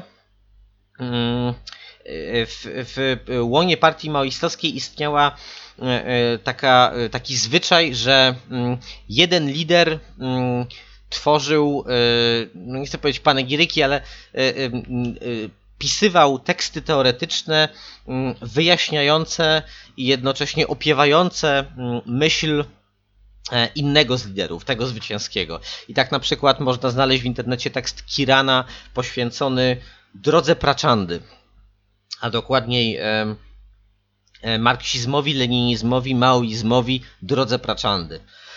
I co to jest droga Praczandy? Mm, nie ma to nic wspólnego z drogami w buddyzmie, chociaż tak może trochę brzmieć. E, przepraszam za ten, za ten głupi trend, ale e, no, e, w ujęciu nepalskich komunistów, przynajmniej ich części, jest to teoria mm, polityczna, która stanowi twórcze rozwinięcie marksizmu i maoizmu opracowane w warunkach nepalskich i do nich e, się odnoszące. Jeśli chodzi o treść polityczną owej drogi Praczandy, no to mm, według mnie jest to po prostu to, co Praczanda myślał w danej chwili, ponieważ tak jak wspomniałem, e, jego e, teoria i praktyka polityczna nigdy nie były konsekwentne, zawsze polegały na elastycznym dopasowywaniu się do aktualnych trendów więc drogą Praczandy może być po prostu sposób odczytywania przez niego y, sprzeczności antagonistycznych i nieantagonistycznych, e, a więc y, droga długa i kręta od y, stalinizmu e, do twardogłowego stalinizmu do e, demokracji wielopartyjnej typu parlamentarnego. Tekst Kirana jest napisany potwornie drętwym językiem. E, i trudno się e, oprzeć na nim jako na mm, no, solidnym źródle teoretycznym.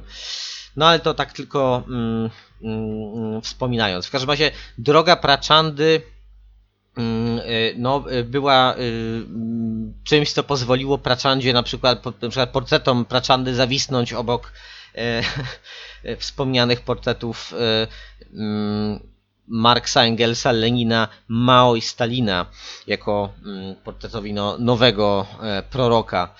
E, co prawda w teorii maoistowskiej współczesnej jest e, duży, mm, jest wyraźny akcent kładziony na mm, walkę z kultem jednostki i z no, deifikacją liderów. Tutaj jako przykład negatywny jest e, wymieniana wojna ludowa w Peru, tak zwana, czyli działalność komunistycznej partii Peru, znanej, której skrzydło wojskowe znane jest jako świetlisty szlak.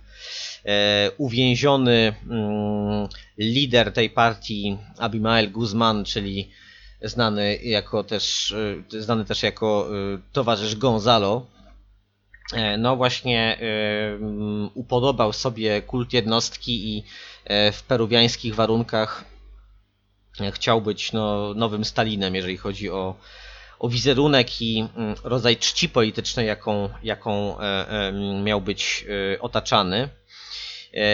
I to jest zjawisko piętnowane w współczesnym maoizmie. Prachanda okresowo no właśnie miał takie ambicje i, i chętnie widział się na piedestale, E, chętnie widział się jako mm, e, osoba skupiająca e, w swych rękach władzę zarówno nad trzonem politycznym, wojskowym, jak i mm, zjednoczonym frontem, tak, czyli jakby tą społeczną organizacją partii maoistowskiej. To właśnie budziło przeciw, sprzeciw innych frakcji i prowadziło do rozłamów wewnątrz partii. Zanim jednak Prachanda został no, oficjalną twarzą nepalskiego maoizmu, on bardzo długo przebywał e, w konspiracji, w ukryciu. Pierwszym liderem, który był tak wysuwany trochę na front, uczestniczył w jakichś negocjacjach, e, trochę e, udzielał się w mediach, był właśnie Babu Rambatarai, numer dwa w partii oficjalnie. Natomiast Prachanda no, był taką szarą eminencją w pewnym sensie, a raczej po prostu no, tak, zagadkowym liderem pozostającym w ukryciu. E, na zachód, czy w ogóle w takim e, e, do, do świadomości ludzi na, na całym świecie, wojna nepalska zaczęła przebijać się dopiero po kilku latach od jej wybuchu. Tutaj momentem zwrotnym był 2001 rok, ale może o tym za chwilę, ponieważ pierwszą relacją mm, z frontów e, nepalskiej wojny domowej, poważniejszą, e, była mm, książka e, amerykańskiej wysłanniczki gazety mm, maoistowskiej związanej z rewolucyjną partią komunistyczną, partią pod przywództwem Boba Awakiana, to taki mm, lider, jeden z liderów ruchu studenckiego z 1968 roku, no potem pozostał on na e, specyficznych pozycjach maoistowskich, ale zostawmy e, Awejkiana. Mm, owa dziennikarka nazywała się Li Onesto. Jest jeszcze jej strona w internecie, nieaktualizowana chyba od 2013 czy 2014 roku. Chyba lionesto.com po prostu. Mm. Ona napisała taką książkę Dispatches from the People's War in Nepal. Ona została wydana w 2004 roku przez Pluto Press, a więc duże wydawnictwo lewicowe znane. Jest do znalezienia w internecie, ale odnosi się do wydarzeń z roku, z lat wcześniejszych, y, bo Lionesto w 1999 roku y, udała się do Nepalu i była pierwszą zagraniczną reporterką, y, która została mm, wpuszczona czy dopuszczona przez maoistów tak daleko E, no, w głąb e, kraju, e, w głąb opanowanych przez maoistów terenów, tych terenów bazowych. Mm, no i to jest bardzo ciekawa relacja, pisana z pozycji no, sympatyczki ruchu maoistowskiego, ale bez ideologicznego zadęcia. Tak bym to ujął. E, godne polecenia, zwłaszcza, że mm, jest to też praca, która bardzo mocno akcentuje mm, według mnie podstawowy, albo inaczej, jedną z najważniejszych cech wojny ludowej toczonej w Nepalu, mianowicie to, że była to przede wszystkim wojna kobiet. W warunkach feudalnych mm, położenie kobiet e, w Nepalu e, było skrajnie złe, chociaż różne E, w zależności od regionu i od e, grupy etnicznej e, i kasty.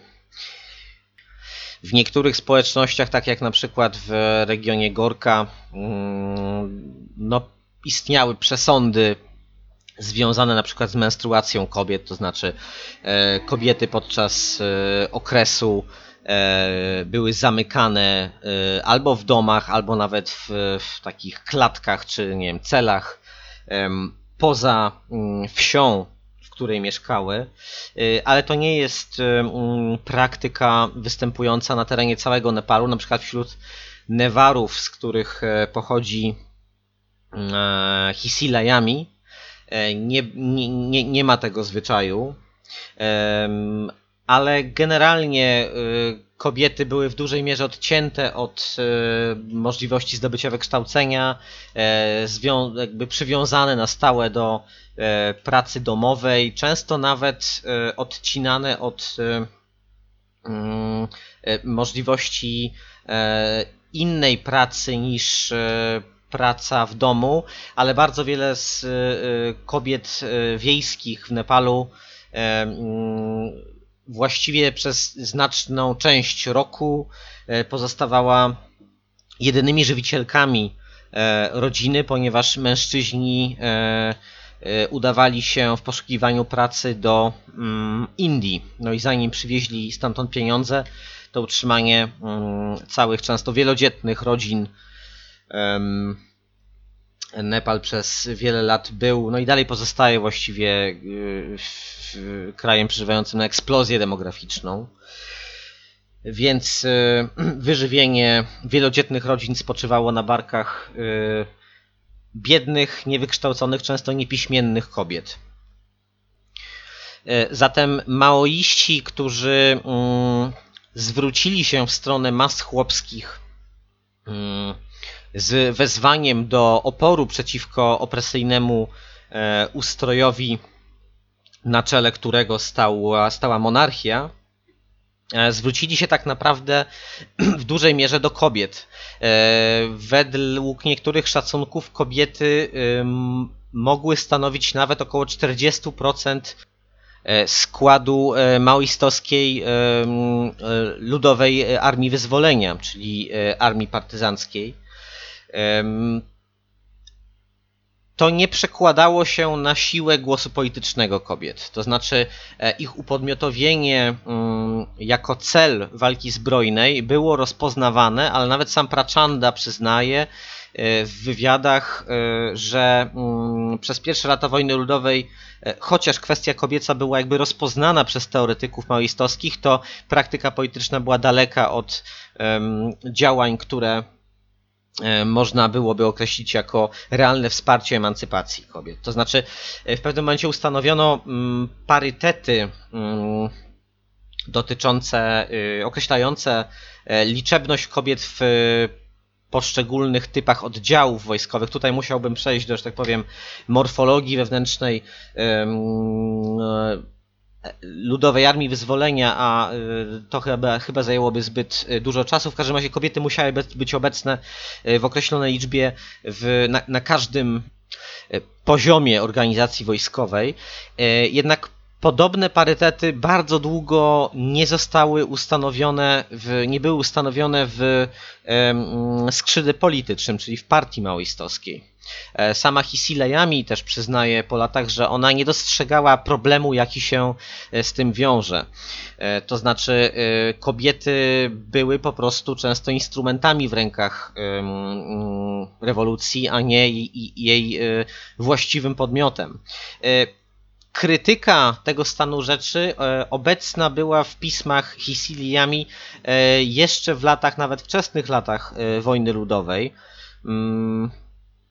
Chociaż, tak jak mówię, ona przyznaje po latach, że nie dostrzegała tego, jeżeli chodzi o tę działalność partyjną, natomiast ona zwracała uwagę od początku na dysproporcje, jeśli chodzi o prawa e, kobiet w strukturach wojskowych. Zatem potem e, zaczęto mm, tę sytuację nieco e, korygować Dziś w Nepalu obowiązują parytety wyborcze y, w partii maoistowskiej, y, również wewnętrzne parytety mm, określające mm, obecność kobiet. Chyba przynajmniej 1 trzecia y, miejsc na listach to muszą być miejsca zagwarantowane dla kobiet, dla kandydatek maoistowskich. w ogóle w tej chwili w nepalskiej konstytucji, której uchwalenie no było siermiężnym, straszliwie trudnym, no obfitującym w zwroty akcji nagłe procesem, czynnikiem, który przyczynił się do jego e, ostatecznego przyspieszenia i, i, i finalizacji było e, pamiętne trzęsienie ziemi w 2015 roku, które no, zrównało z ziemią wiele miejscowości w Nepalu i tak już przecież dotkniętym e, potwornym ubóstwem. Właściwie były to dwa trzęsienia ziemi, występujące w niedługim czasie po, po, po sobie, plus jeszcze oczywiście wstrząsy wtórne, rozmaite, które również miały niszczycielską siłę. E, no, partie polityczne skonfliktowane niesamowicie mm, po tym 2015 roku uznały, że jednak e, no, pewien porządek jest niezbędny i e, tutaj prawodawcze wysiłki muszą ulec przyspieszeniu. W końcu przyjęto konstytucję, którą e, z punktu widzenia maoistów, e, na przykład Babura Mambataraja, e, no należy uznać za sukces, ale częściowy tylko, bowiem ona wywołała duże protesty ze względu na niewystarczające w percepcji na przykład mniejszości zamieszkującej region Teraj no, za niewystarczająco mm, akcentującą prawa mniejszości. E, chociaż pomimo konserwatywnego charakteru e, znacznej części społeczeństwa nepalskiego, e, no, wprowadzono do konstytucji niebywale postępowe zapisy. Na przykład Nepal ma wpisaną w konstytucję ochronę osób ze względu na orientację seksualną, to znaczy prawa społeczności LGBT są zagwarantowane w konstytucji nepalskiej. Porównajmy to chociażby z sytuacją w Polsce, ale też w wielu innych krajach Europy. Związki partnerskie są uznawane w prawie nepalskim, z tego co mi wiadomo, chociaż to jest chyba niejasna sytuacja. Z małżeństwami sytuacja jest, zdaje się, e, no niejasna. To znaczy sądy jakoś e, przychylały się do uznania związków jednopłciowych, małżeńskich związków jednopłciowych, potem to odwoływały. Dość to jest złożona sytuacja. W każdym razie Nepal chyba i tak e, w tym aspekcie mm, znajduje się e, mm, no, dalej tak, niż chociażby Polska czy inne kraje Europy Środkowo-Wschodniej. Osobom zainteresowanym kwestią kobiecą w w nepalskim maoizmie i w kontekście wojny domowej e, polecam inną książkę Hisiliami. Ona jest do znalezienia w internecie. Ona się nazywa People's War and Women's Liberation Nepal. E, ona została e, wydana mm, jeszcze w warunkach, albo inaczej była pisana w warunkach E, konspiracji, tak? I ona jest przesiąknięta takim maoistowskim językiem. To jest publikacja poświęcona, zawierająca bardzo wiele szczegółowych, interesujących danych dotyczących położenia kobiet w Nepalu, e, ale także ich opinii na tematy polityczne. To jest też dowód na to, że maoiści prowadzili bardzo skrupulatną działalność badawczą, mm, jeśli chodzi o społeczeństwo nepalskie. E, I kwestia kobieca to nie była tylko mm, rzecz e, podejmowana na, e, w sferze jakby ideologicznych sloganów, ale wynikała z rozpoznania o charakterze naukowym właśnie. E, to jest bardzo ważne według mnie, mm, no bo y, maoizm często zarzuca się mu, no i najczęściej słusznie, e, że jest to y, antyinteligencka, antyintelektualna wręcz y, mm, orientacja, która odwołuje się do marksizmu, ale tak naprawdę zrywa z jego kluczowymi e, mechanizmami filozoficznymi. No tutaj mamy, mamy przykład jednak czegoś innego. E, bardzo, bardzo wartościowa publikacja i polecam ją może nawet bardziej niż autobiografię, chociaż nie no, polecam obydwie te książki. E, one są, mają inny charakter, no tak jak mówię, ta e, mm, książka o kwestii kobiecej People's War and Women's Liberation Nepal jest no, przesiąknięta tym maoistowskim językiem. Są tam też rozmaite takie jakby to powiedzieć, smaczki, tak, w cudzysłowie mocnym. Na przykład takie stwierdzenia, że Stalin w 70% robił dobrze, a w 30% robił źle. To takie jak teraz chińska partia komunistyczna określa e, dorobek e, Mao Tse-tunga samego, tak? Więc, tak powiem, e, ten parytet liczbowy, czy jakby uznanie procentowy podział dorobku Stalina na racje i pomyłki jakoś odzwierciedla tę politykę partii, chińskiej partii komunistycznej. O samym przebiegu wojny domowej e, nie będę mówił tutaj, dlatego że po pierwsze, historia wojskowości nie jest moją domeną. Po drugie, nie sądzę, żeby tak naprawdę miała e, e, kwestia samego przebiegu walk takie znaczenie polityczne. Z innej strony też pewnie ten aspekt jest mi trochę mniej znany, dlatego że e, on nie jest bardzo e, dokładnie opisany w e, literaturze w znanych mi językach, tak poświęconej wojnie nepalskiej. To znaczy, jak się nie zna nepalskiego albo hindi, to raczej trudno znaleźć teksty, które by mm, w sposób szczegółowy opisywały mm, aspekt militarny, ale tak jak mówię, nie jest to też przedmiot moich zainteresowań właściwie, więc E, niespecjalnie żałuję. No bo sam aspekt militarny rzeczywiście nie, nie, nie wnosi wiele do, do, do, do zrozumienia kwestii politycznej. Maoiści e, no, tutaj realizowali, jeżeli chodzi o aspekt militarny, tę jedną z podstawowych zasad e, no właśnie wojskowego maoizmu, to znaczy mm, atakowanie wroga w jego e, najczulszych punktach, najsłabszych miejscach, tak? znaczy nie rzucanie sił do walki konfrontacyjnej e, mm, z e, najsilniejszymi oddziałami wroga, tylko no takie kąsanie go partyzanckie. Ale pomijmy to. Momentem zwrotnym w historii tej wojny był rok 2001, a to z kilku powodów. Po pierwsze dlatego, że wtedy mm, król mm, ogłosił, znaczy y, król y, wprowadził do walki y, królewską armię nepalską.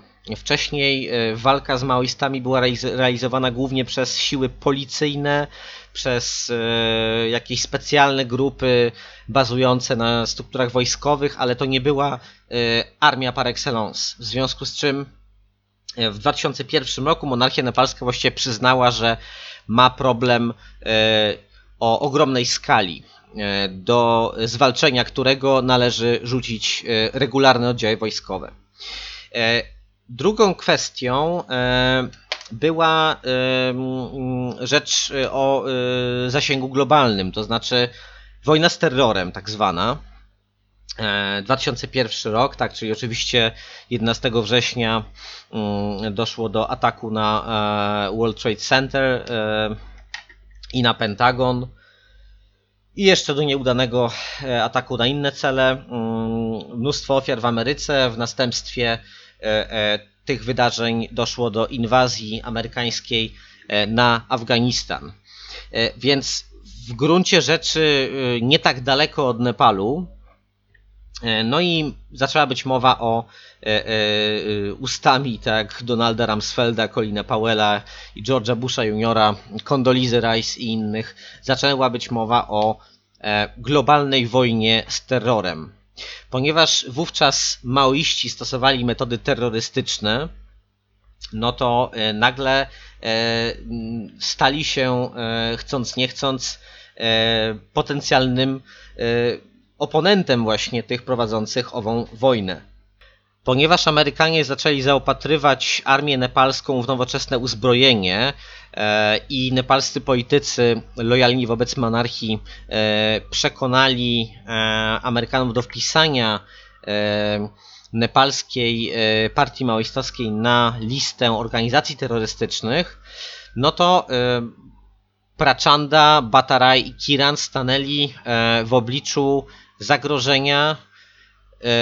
No właśnie pytanie jakiego, tak? Ponieważ e, ostatecznie do niczego nie doszło, ale jak rozumiem, e, częściowo mogli oni dopuszczać możliwość jakiejś interwencji amerykańskiej. Oczywiście e, nawet wtedy było to niezwykle mało prawdopodobne, ponieważ to nie no, maoizm był celem amerykańskiej wojny z terrorem, e, ale ten enigmatyczny terror, tak, który mm, wiadomo, że chodziło głównie o terror mm, praktykowany przez organizacje politycznego islamu, ale ponieważ terror jest pojęciem, no, to, to znaczy to, jak on się pojawiał w tym ujęciu, e, no to była sprawa dość otwarta, no to nagle stało się całkiem albo inaczej, nie można było wykluczyć, że Amerykanie zechcą w jakiś sposób e, wyraźniej jeszcze wesprzeć mm, e, siły e, rządowe nepalskie, aby zgładzić rewoltę maoistowską. Oczywiście nawet wówczas było to niezwykle mało prawdopodobne, biorąc pod uwagę to, że wszystko miałoby toczyć się tuż pod nosem Chin nominalnie komunistycznych, no co groziłoby no nawet nie wiem, chyba wojną światową, tak gdyby Amerykanie podjęli interwencję e, w Nepalu, który nie jest chińską strefą wpływów, ale jest, e, e, jest raczej no, państwem, tak jak już wspominałem, zależnym od Indii. Jednak na przykład Prachanda, kiedy obejmował taką premiera, mm, on tak nawet dość manifestacyjnie zwracał się trochę w kierunku chińskim, chociaż oczywiście maoiści krytykują Chiny współczesne za odejście od maoizmu. Mm, jednak sami od niego odeszli, więc właściwie e, pełno jest sprzeczności w tym, w tym, e, w tym rozumowaniu. Jednak no, kwestia indyjska zawsze była no, jedną z kluczowych, jeśli chodzi o politykę nepalską. To znaczy, nawet w ruchu maoistowskim istniała, czy szerzej w ruchu komunistycznym istniała ta, ten dualizm. To znaczy, z jednej strony e, istniały nurty, które tworząc rozmaite partie, organizacje, e, wolały wchodzić w pewien alians z monarchią, jak na przykład e, komunistyczna partia Nepalu zjednoczona marksistowsko-leninowska, wchodzić w alians z monarchią, e, albo przynajmniej nie podważać sensu mm, istnienia monarchii w Nepalu, po to, aby mm, przeciwstawić się wpływom, czy jak to się nazywa w maoistowskich pismach indyjskiemu, ekspansjonizmowi. E, a drugim nurtem e, był ten, który mm, no, ostatecznie zaaprobowała partia maoistowska, czyli e, ten zwracający się w stronę demokracji, parlamentarnej demokracji wielopartyjnej w celu obalenia monarchii czy nawet niekoniecznie najpierw y, zwrócenia się w stronę parlamentarną, ale po prostu stawiając, stawiając ten nurt stawiał sobie za cel obalenie monarchii jako największego ciemiężcy nepalskiego społeczeństwa, no i tego gwaranta feudalnych stosunków społecznych. Przedstawicielem tej drugiej orientacji był właśnie Baburam Batarai, który zawsze podkreślał, że to monarchia jest głównym problemem w Nepalu. E, on był też oskarżany ze względu na e, właśnie tę postawę, ale też na to, że odebrał wykształcenie na indyjskich uniwersytetach o właśnie sprzyjanie e, indyjskim interesom. Kwestia indyjska pojawiła się również w 2001 roku jako jeden no, z potencjalnych wyjaśnień E, niesłychanego wręcz, e, niesamowicie zagadkowego i strasznego wydarzenia, do jakiego doszło na dworze królewskim. Mianowicie w 2001 roku książę Dipendra zabił um, no, większość rodziny królewskiej e, nepalskiej na czele z um, królem Birendrą i królową e, Aishwarią. Mm, zginęło dokładnie 9 osób, jeszcze było kilkoro rannych. Po czym Dipendra mm, zdecydował się popełnić samobójstwo, ale przeżył, to znaczy mm, zapadł w śpiączkę e, i przez e, jakiś czas jeszcze w związku z tym, że wciąż pozostawał przy życiu, to on uzyskał prawo do sukcesji, mm, w sensie do tronu królewskiego. oczywiście nie mógł y, y, tych zaszczytów tak y, przyjąć faktycznie, no bo był nieprzytomny.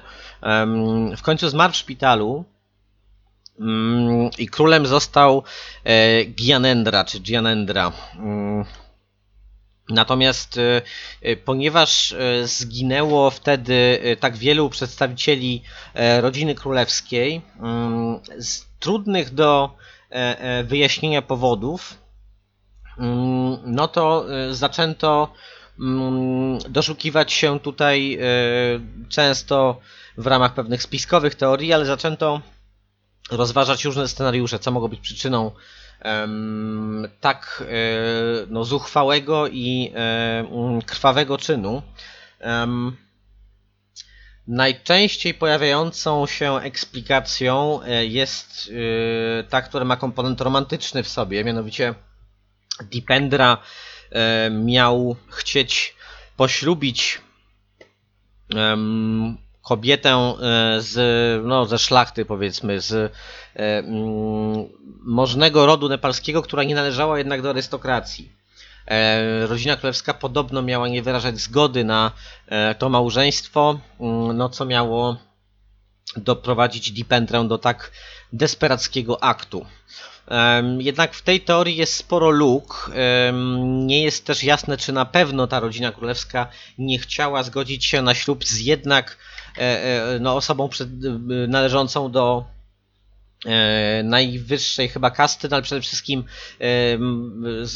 pochodzącą no, z bardzo możnego właśnie rodu. E, Jedna z teorii mm, głosi też, że mm, no tutaj właśnie wpływy indyjskie miały e, mm, kluczowe znaczenie, że Indie dążyły do destabilizacji sytuacji w Nepalu, em, ale to też nie jest jasne właściwie dlaczego i co miało być celem e, tej destabilizacji.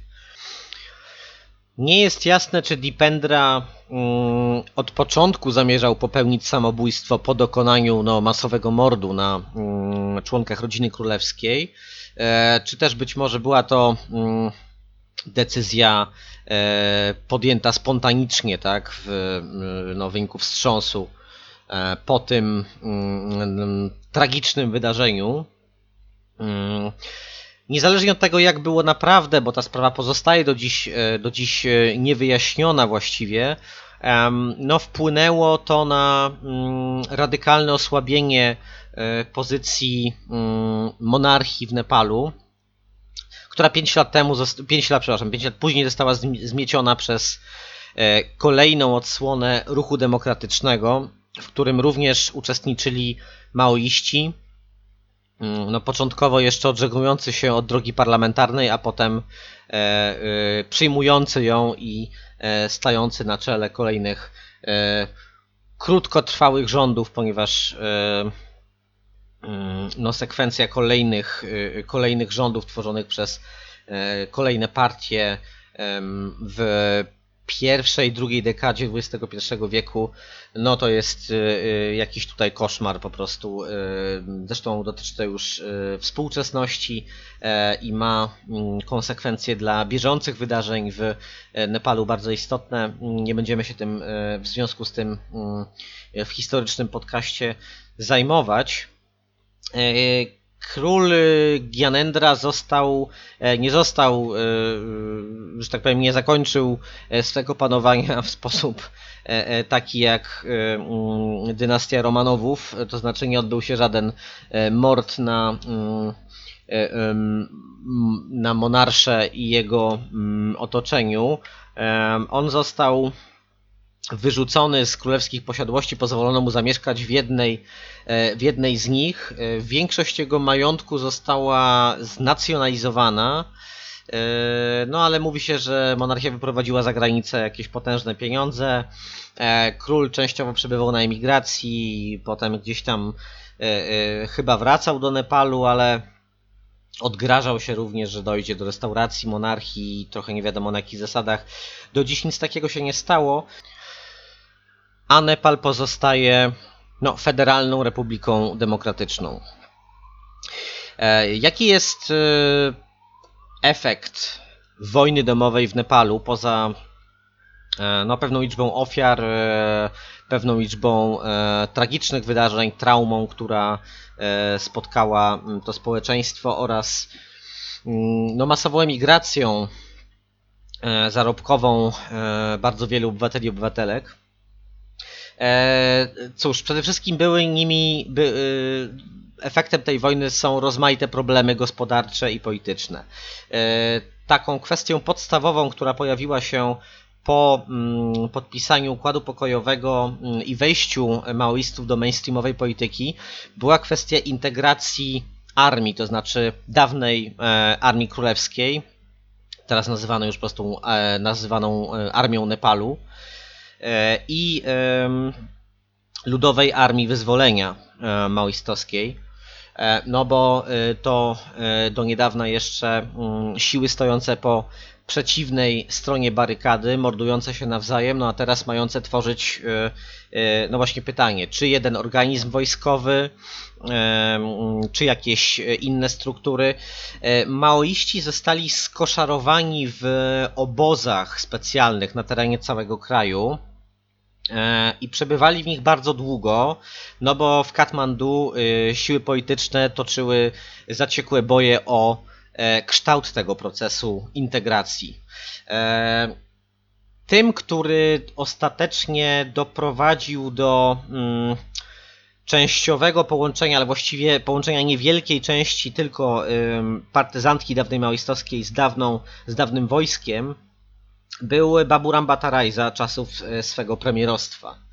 E, W związku z tym część też międzynarodowych e, mm, dawnych sojuszników maoistów z mm, Revolutionary Inter- Internationalist Movement, tak? czyli rewolu- rewolucyjnego ruchu międzynarodowego, czy międzynarodowego ruchu rewolucyjnego, takiej organizacji parasolowej skupiającej e, rozmaite maoistowskie i zbliżone do maoizmu siły z całego świata, e, no e, określali, właśnie RIM określał, mm, nie wiem czy RIM, tylko składowe jego rozmaite partie, ale chyba chyba to drugie, no określały Bataraja mianem grabarza mm, wojny ludowej w Nepalu, reformistycznego grabarza.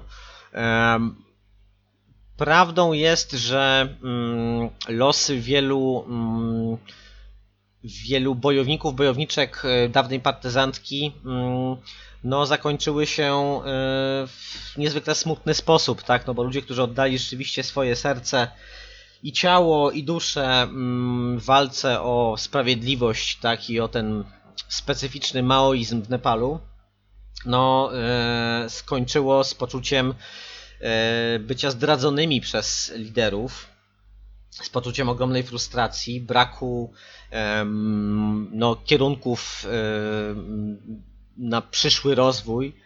E, bardzo trudna była też sytuacja wielu kobiet, tak, które jako młode dziewczyny wstępowały w szeregi partyzantki, a potem kończyły jako, e, no właśnie, jako mm, osoby, które muszą wrócić do swoich wiosek, gdzie często spotykały się z niechętną postawą e, mieszkańców, to także krewnych.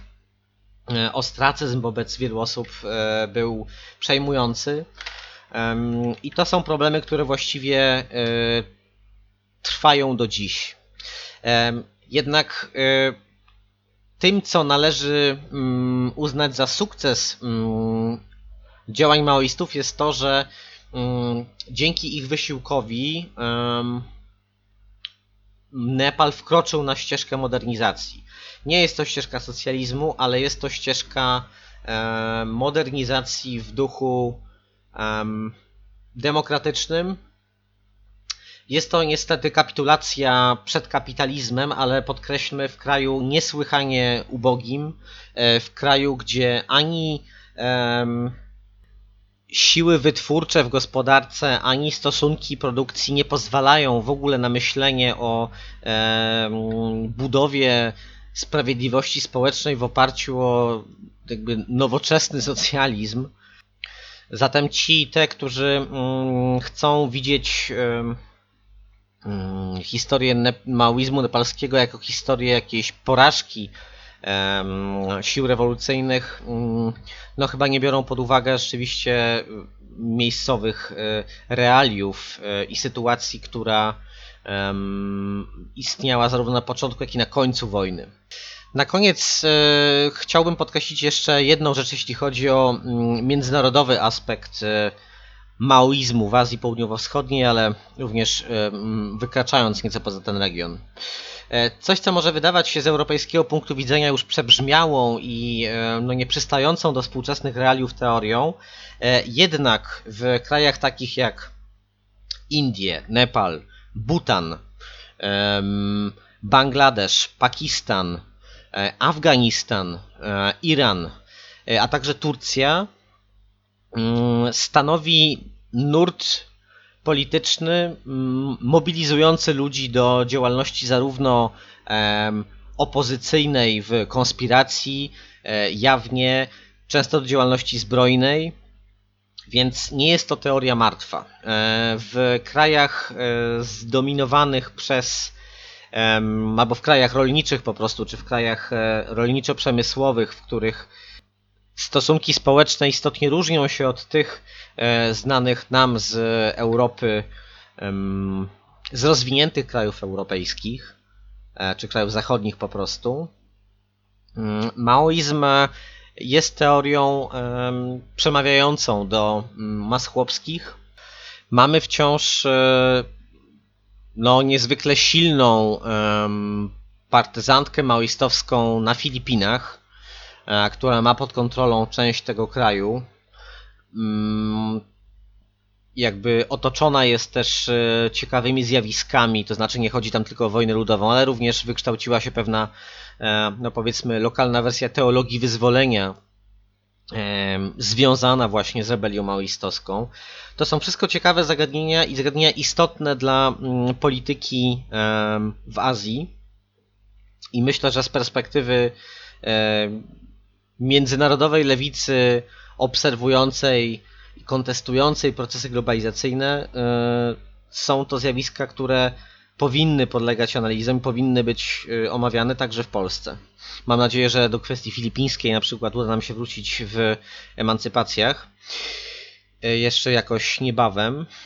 Tymczasem żegnam się z Wami po tym dłuższym niż zazwyczaj odcinku, a dłuższym dlatego, że w sierpniu prawdopodobnie y, nie będzie kolejnego, kolejnej audycji.